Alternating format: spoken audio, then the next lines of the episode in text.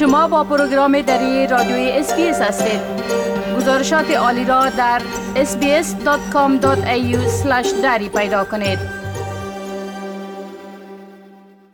شنونده های عزیز حال همکار ما سام انوری درباره تازه ترین رویدادها در ارتباط به شیوع ویروس کرونا و همچنان روند واکسیناسیون معلومات میتن.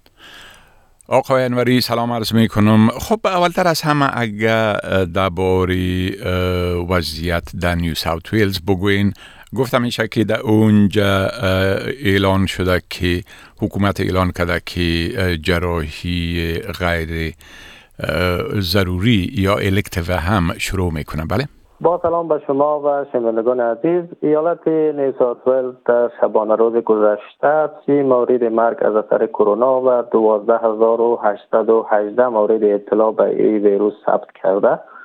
شمار بیماران بستری شده کووید 19 در شفاخانه های ایالت هم به 2749 نفر کاهش یافته که 183 نفر آنها تحت مراقبت شدید قرار دارند. از میان این 183 نفر هفتاد نفر هم به کمک دستگاه نفس می‌کشند از میان سی نفری که در شبانه روز گذشته از اثر بیماری کرونا در گذشته یک تن مرد حدود سی ساله بوده که هر دو دوز واکسن خود را هم دریافت کرده بوده ولی از بیماری های زمینه جدی رنج می برده.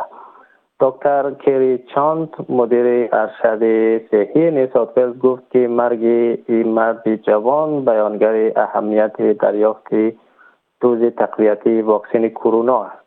از سوی دیگر با توجه به اینکه میزان ابتلا به کووید 19 در نیسات ولز به آهستگی رو به کاهش است براد هازارد وزیر صحت ایالت اعلام کرد که عملهای جراحی غیر انتخابی به تاریخ هفت فوریه دوباره سر گرفته میشن.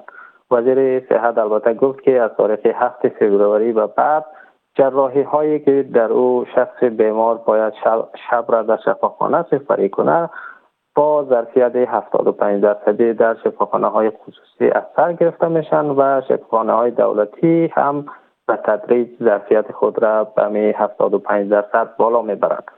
آقای هازارد با عذرخواهی از آنهایی که عمل جراحیشان به تعویق افتاده گفت که خوشبختانه بدترین سناریویی را که حکومت ایالتی انتظارش را داشت واقع نشد و اکنون ظرفیت برای آغاز دوباره عملهای انتخابی وجود دارد بله خب می‌تونین بگوین که وضعیت در ارتباط به شیوع ویروس کرونا و روند واکسیناسیون در ویکتوریا از چه قرار است؟ ایالت ویکتوریا در شبانه روز گذشته 34 مورد مرگ از اثر بیماری کووید 19 و 11311 مورد اطلاع به این بیماری ثبت کرده. تعداد بیماران بستری شده در شفاخانه های ویکتوریا از 700 از 873 نفر در روز گذشته به 851 نفر کاهش یافته. از مجموع بیماران بستری شده 106 تن در بخش آی سی یو هستند و از میان آنها سی نفر نیاز و دستگاه تنفس مصنوعی دارند. همچنین آمار رسمی موارد فعال کرونا در ایالت از بیش از 76 هزار نفر در روز گذشته به بالای 72 هزار نفر کاهش یافته. در عین حال بعد از که مدیر ارشد صحی ویکتوریا اعلام کرد که وی باور دارد که ایالت اوج بستری شدن بیماران کووید 19 در شفاخانه ها را پشت سر گذاشته. اپوزیسیون ایالتی اعلام حالت اضطرار در شفاخانه های بزرگ ویکتوریا را زیر سوال برده. دستگاه صحی ویکتوریا در اواسط ماه جنوری در شفاخانه های بزرگ ایالت code brown یا قهوه‌ای اعلام کرد که قرار بود برای حداقل چهار هفته روی کار بماند.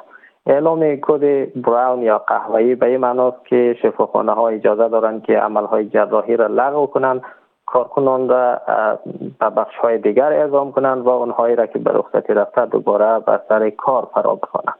مارتین فولی مارتین فولی وزیر صحت ویکتوریا روز دوشنبه در پاسخ به سوال در مورد ای که آیا هنوز به کد براون نیاز است یا نه گفت که سیستم صحی هنوز تحت فشار شدید کار می‌کنه بله خب گفتم میشه که تحقیقات در مورد گرانفروشی بسته های آزمایش سریع انتیجن راه اندازی شده میشه که در این باره معلومات بتین؟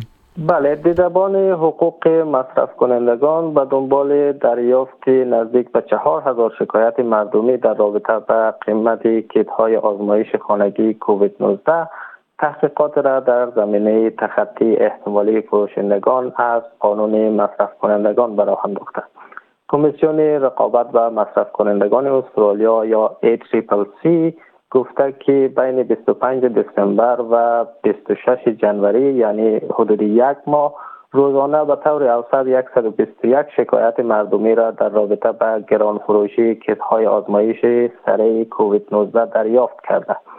و گفته کمیسیون بیشترین تعداد شکایت های مردمی یعنی 1309 شکایت یا 34 درصد کل شکایت ها علیه دواخانه ها ثبت شده بعد از او 781 شکایت یا 20 درصد شکایت ها علیه اصطلاح پترول یا تیل فروشی ها و 20 درصد دیگر شکایت ها هم علیه خوراک فروشی ها، سیگریت فروشی ها و سوپرمارکت ها درج شده.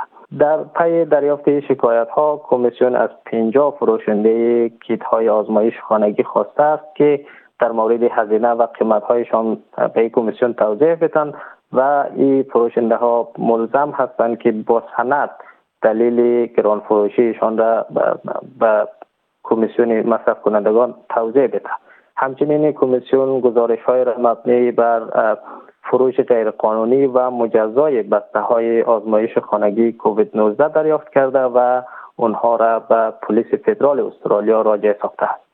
بله خب آله اگر لطفا باری آمار عمومی شیوع ویروس کرونا و موارد ابتلا به ویروس کرونا در استرالیا و در سراسر جهان و همچنان فعالیت ها در ارتباط با واکسیناسیون معلومات بتین. بله بر اساس آمار جمع شده توسط شبکه ABC تا اکنون بیش از دو میلیون و 216 هزار مورد ابتلا به کووید 19 و بالای 3758 مورد مرگ از اثر ای ویروس در استرالیا به ثبت رسیده. در شبانه روز گذشته علاوه بر ویکتوریا و نیو ساوت ولز ده مورد مرگ و 7588 مورد ابتلا در کوینزلند سه مورد مرگ و 1266 مورد ابتلا در استرالیا جنوبی یک مورد مرگ و 699 مورد ابتلا در تاسمانیا و 522 مورد ابتلا در قلمرو پایتخت استرالیا گزارش شده. همچنین تا اکنون بیش از 49 میلیون و 664 هزار دوز واکسن کرونا در استرالیا تطبیق شدند در کل بیش از 84 درصد جمعیت بالای 12 سال استرالیا واکسن زده که این شامل بیش از 78 درصد واکسیناسیون دو دوزه بیش از 30 درصد واکسیناسیون سه دوزه و حدود 4.5 درصد واکسیناسیون تک دوزه میشه. در سطح جهان تا اکنون آمار ثبت شده مبتلایان کرونا به بالای 377 میلیون و 781 هزار و رقم قربانیان آن هم و بیش از 5 میلیون و 671 هزار نفر رسیده. ایالات متحده آمریکا با بیش از 75 میلیون و 915 هزار مورد ابتلا و بالای 886 هزار مورد مرگ در صدر فهرست جهانی قرار دارد همچنین تا اکنون بالای 9 میلیارد و 979 میلیون دوز واکسن کرونا در سراسر جهان تطبیق شدند بله خب بسیار تشکر آقای انوری از معلوماتتان و فعلا شما را به خدا می سپارم. روزتان خوش. تشکر از شما. خدا نگهدار. بپسندید شریک سازید و نظر دهید. اسپیس دری را در فیسبوک تعقیب کنید.